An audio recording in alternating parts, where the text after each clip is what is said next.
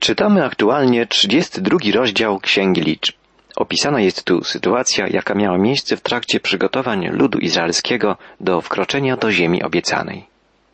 Przedstawiciele dwóch plemion izraelskich, Rubena i Gada, poprosili Mojżesza o to, żeby pozwolił im zająć ziemię po wschodniej stronie Jordanu.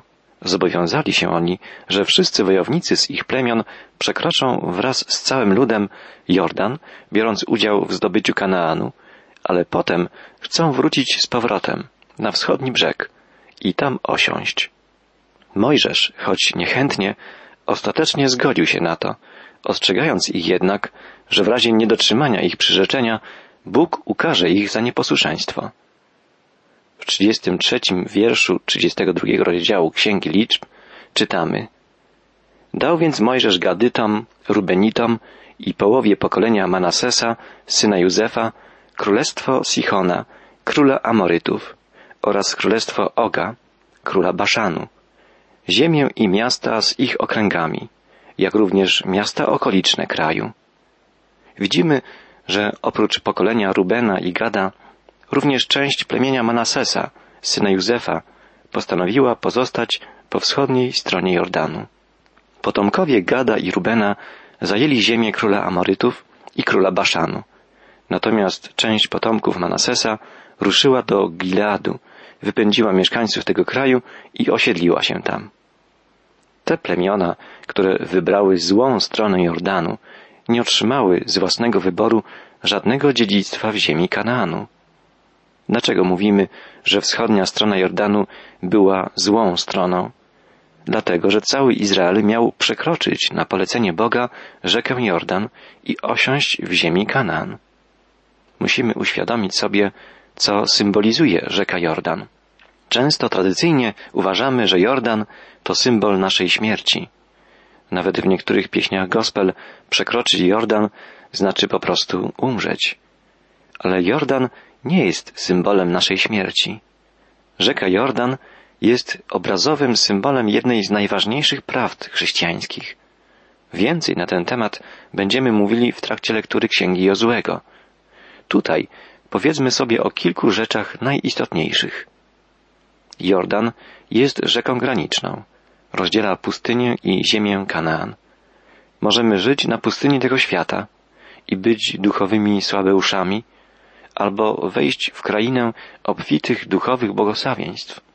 Ta prawda dotyczy ludzi wierzących, ludzi, którzy są Bożymi dziećmi. W jaki sposób możemy przekroczyć Jordan? Jak możemy znaleźć się w Kanaanie, w miejscu duchowego błogosławieństwa? Wybiegnijmy trochę naprzód i spójrzmy, w jaki sposób pokonywać będą Jordan Izraelici. Przejdą oni po dnie rzeki, bo Pan zatrzyma jej wody. Na pamiątkę tego zdarzenia Izraelici zabiorą z dna Jordanu dwanaście kamieni. Dwanaście innych kamieni natomiast włożą w wody Jordanu, w tym miejscu, w którym przeszli suchą nogą do Kanaanu. Są to symboliczne, zawarte tu dwie ważne duchowe prawdy. Włożenie kamieni do rzeki Jordan symbolizuje śmierć Chrystusa. Wyciągnięcie kamieni z wód Jordanu jest obrazem zmartwychwstania Jezusa. Ty i ja możemy przeżywać na co dzień Boże błogosławieństwo, gdy nasze życie przebiega pod znakiem śmierci i zmartwychwstania Jezusa Chrystusa.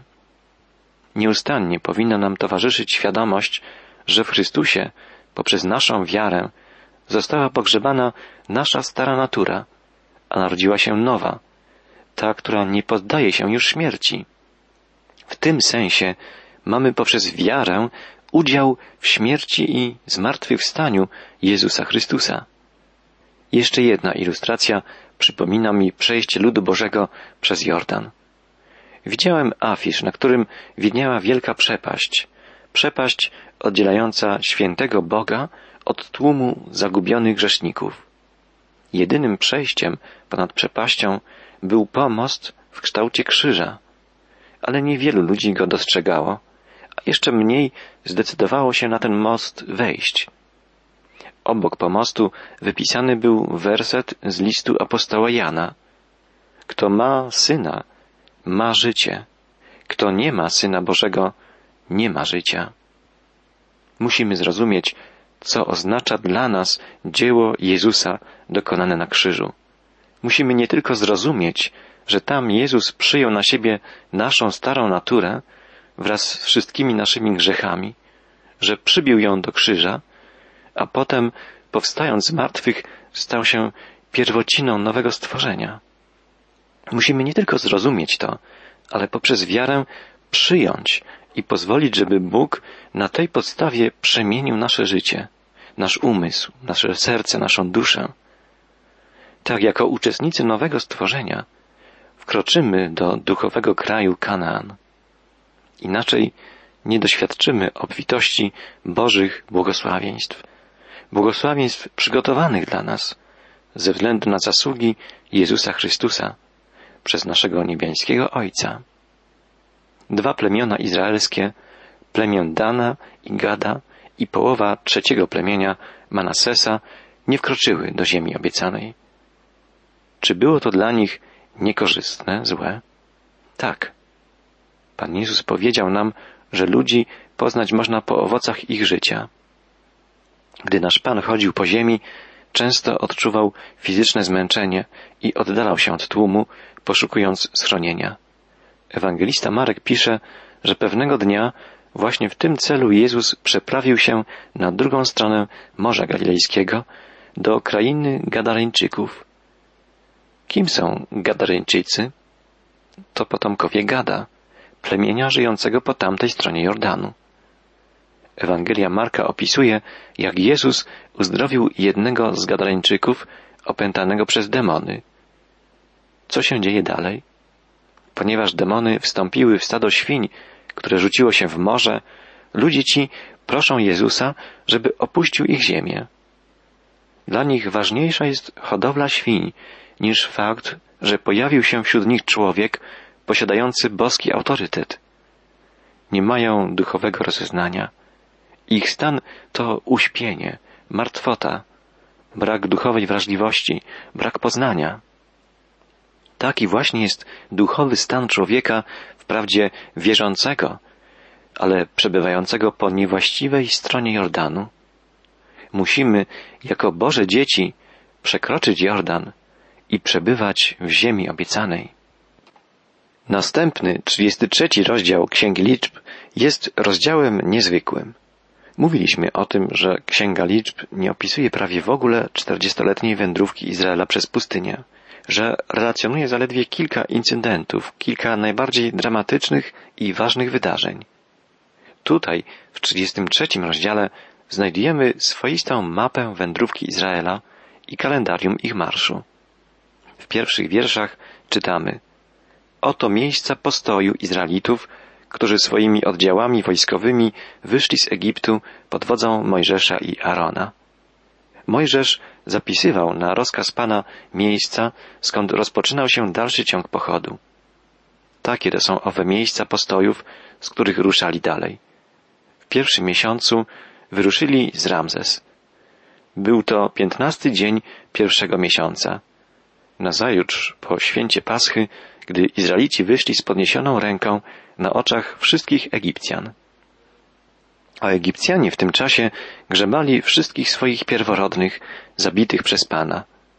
Pan dokonał sądu również nad ich bogami. Ruszyli więc Izraelici z Ramzes i rozbili obóz w Sukot. Mojżesz, jak widzimy, zapisywał wszystkie kolejne miejsca postoju Izraelitów, miejsca, w których rozbijali oni obóz. Zapis obejmuje całą marszrutę pustynną ludu izraelskiego, od samego początku aż do końca.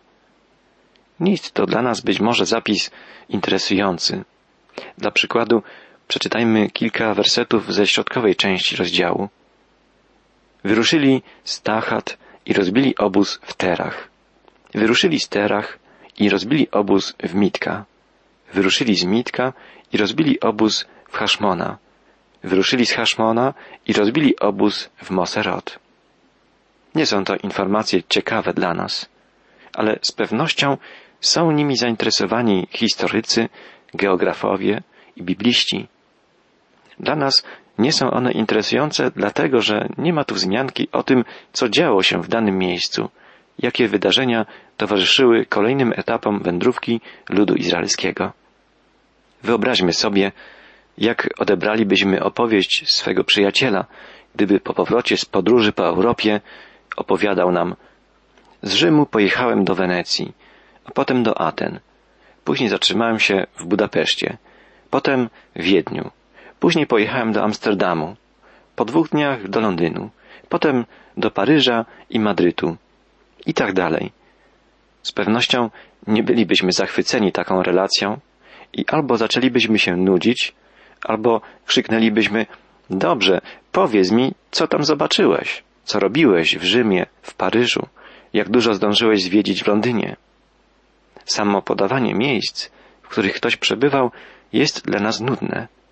I takie wrażenie robi na nas 33 rozdział Księgi Liczb. Ale jednak musimy zastanowić się, dlaczego Duch Święty pobudził Mojżesza do zapisania tych wszystkich miejsc, przez które przewędrował Izrael. W każdym fragmencie Pisma Świętego jest przecież zawarta jakaś ważna dla nas duchowa lekcja. Spis miejsc zawarty w 33 rozdziale Księgi Liczb jest jak lista miejscowości w atlasie samochodowym. Możemy znaleźć tu każde miejsce, w którym przebywali Izraelici. Czy ma to jakieś znaczenie? Tak, niezwykłe, bo oznacza to, że dla Boga każde z tych miejsc jest ważne. Dlaczego? Bo na każdym kroku, w każdym miejscu i w każdej chwili Bóg szedł z nimi.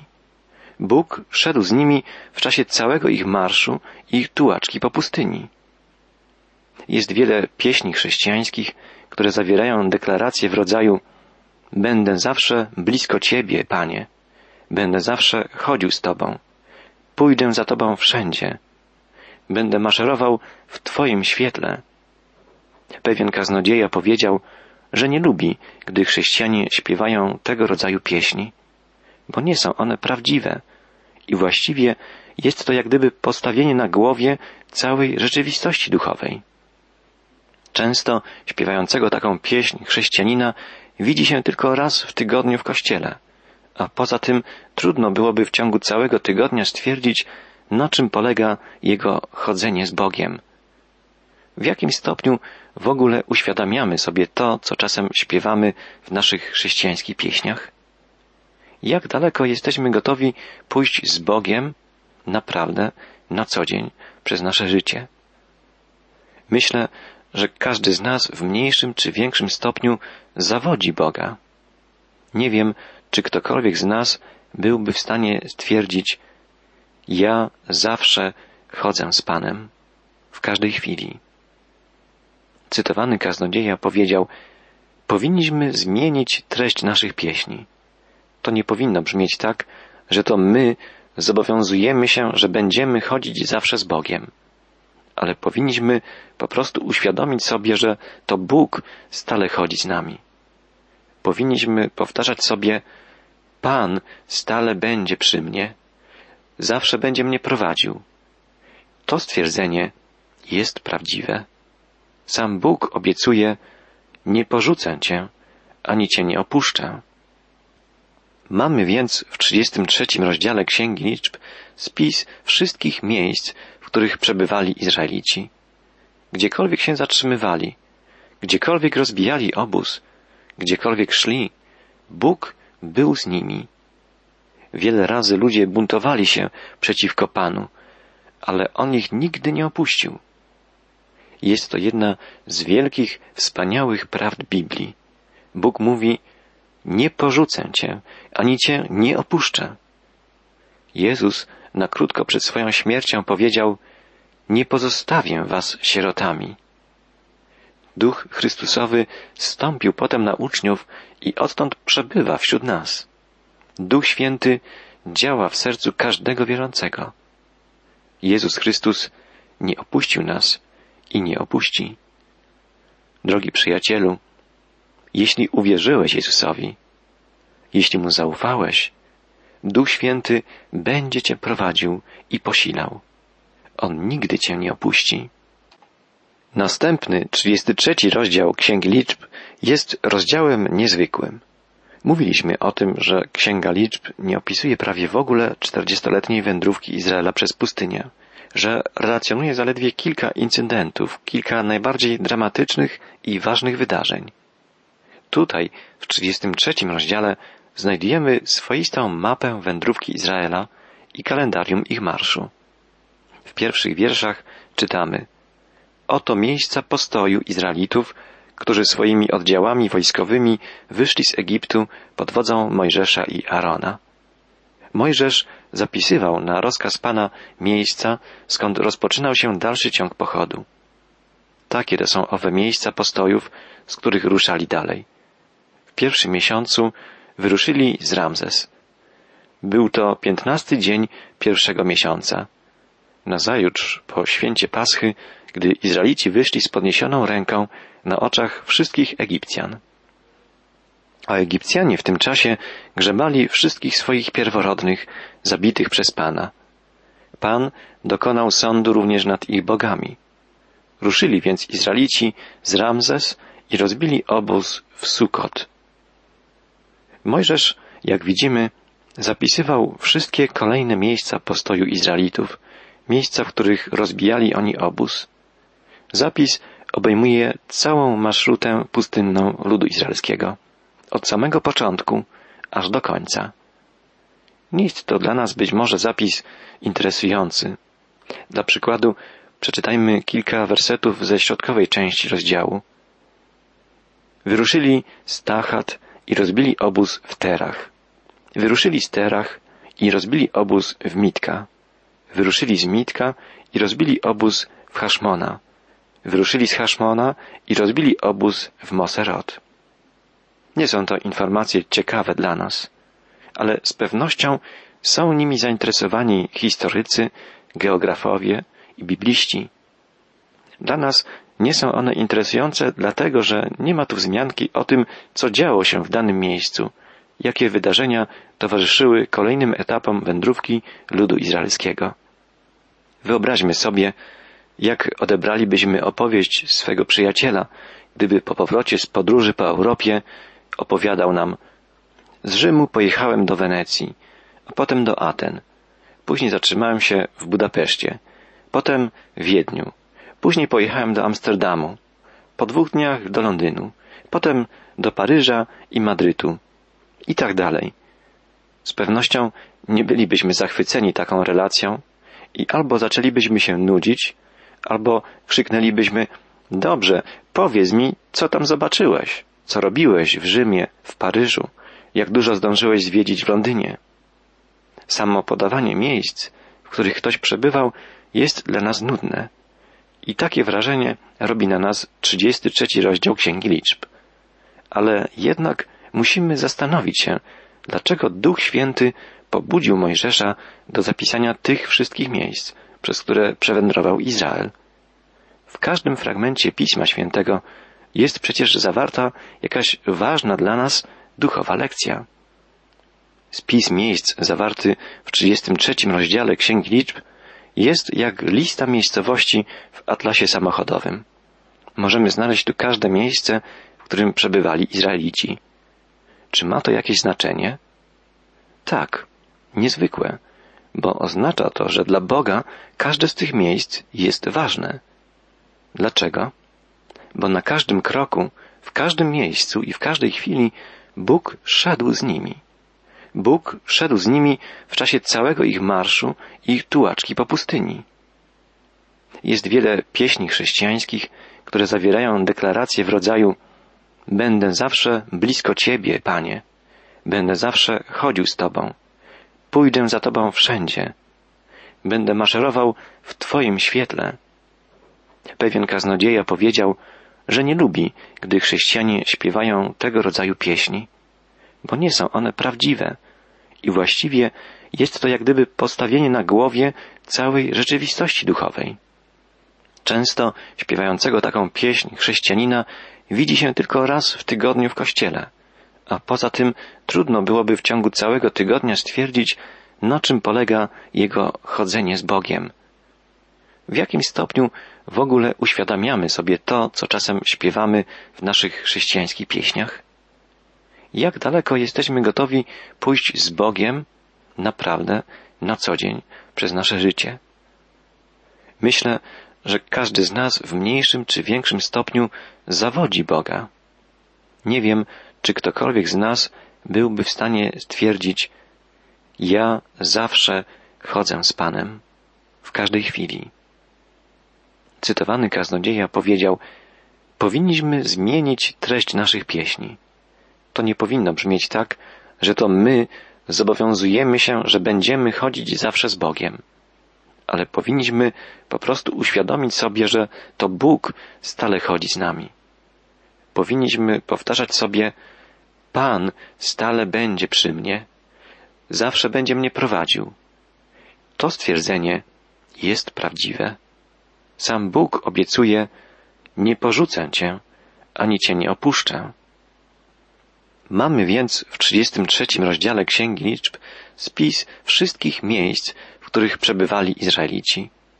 Gdziekolwiek się zatrzymywali, gdziekolwiek rozbijali obóz, gdziekolwiek szli, Bóg był z nimi. Wiele razy ludzie buntowali się przeciwko Panu, ale On ich nigdy nie opuścił. Jest to jedna z wielkich, wspaniałych prawd Biblii. Bóg mówi, nie porzucę Cię, ani Cię nie opuszczę. Jezus na krótko przed swoją śmiercią powiedział, nie pozostawię Was sierotami. Duch Chrystusowy stąpił potem na uczniów i odtąd przebywa wśród nas. Duch Święty działa w sercu każdego wierzącego. Jezus Chrystus nie opuścił nas i nie opuści. Drogi przyjacielu, jeśli uwierzyłeś Jezusowi, jeśli Mu zaufałeś, Duch Święty będzie Cię prowadził i posilał. On nigdy Cię nie opuści. 33 rozdział Księgi Liczb kończy polecenie Pana co do podziału Kanaanu. Czytamy w ostatnim fragmencie tego rozdziału od wiersza 50. Tak mówił Pan do Mojżesza na równinach Moabu, naprzeciw Jericha. To powiedz Izraelitom. Gdy przejdziecie przez Jordan do ziemi Kanaan, macie wypędzić wszystkich mieszkańców kraju przed sobą. Zniszczycie wszystkie wyobrażenia bogów, podobnie wszystkie posągi ulane z metalu, a wszystkie wyżyny spustoszycie. Weźmiecie następnie kraj w posiadanie i będziecie w nim mieszkali, albowiem ja dałem wam tę ziemię w posiadanie. Podzielicie losem ziemię jako dziedzictwo dla poszczególnych pokoleń. Temu, które ma więcej ludzi, dacie większe dziedzictwo, a temu, które ma mniej, mniejsze. Co komu losem przypadnie, to będzie do niego należało. Macie im według pokoleń przydzielić posiadłość. Jeśli jednak mieszkańców kraju nie wypędzicie przed sobą, będą ci, którzy pozostaną jakby cierniami dla waszych oczu i kolcami dla waszych boków. Oni to będą was uciskać w kraju, gdzie zamieszkacie. Wtedy uczynię wam to, co im zamierzałem uczynić. Niektórzy krytycy Biblii mówią, to było okrutne, że Bóg rozkazał Izraelowi wypędzić wszystkich mieszkańców Kanaanu z ich ziemi. Zastanówmy się nad tym przez chwilę. W psalmie 24 czytamy Pańska jest ziemia i to, co ją napełnia, świat i ci, którzy na nim mieszkają. To Bóg stworzył ziemię. To do Niego należy ziemia.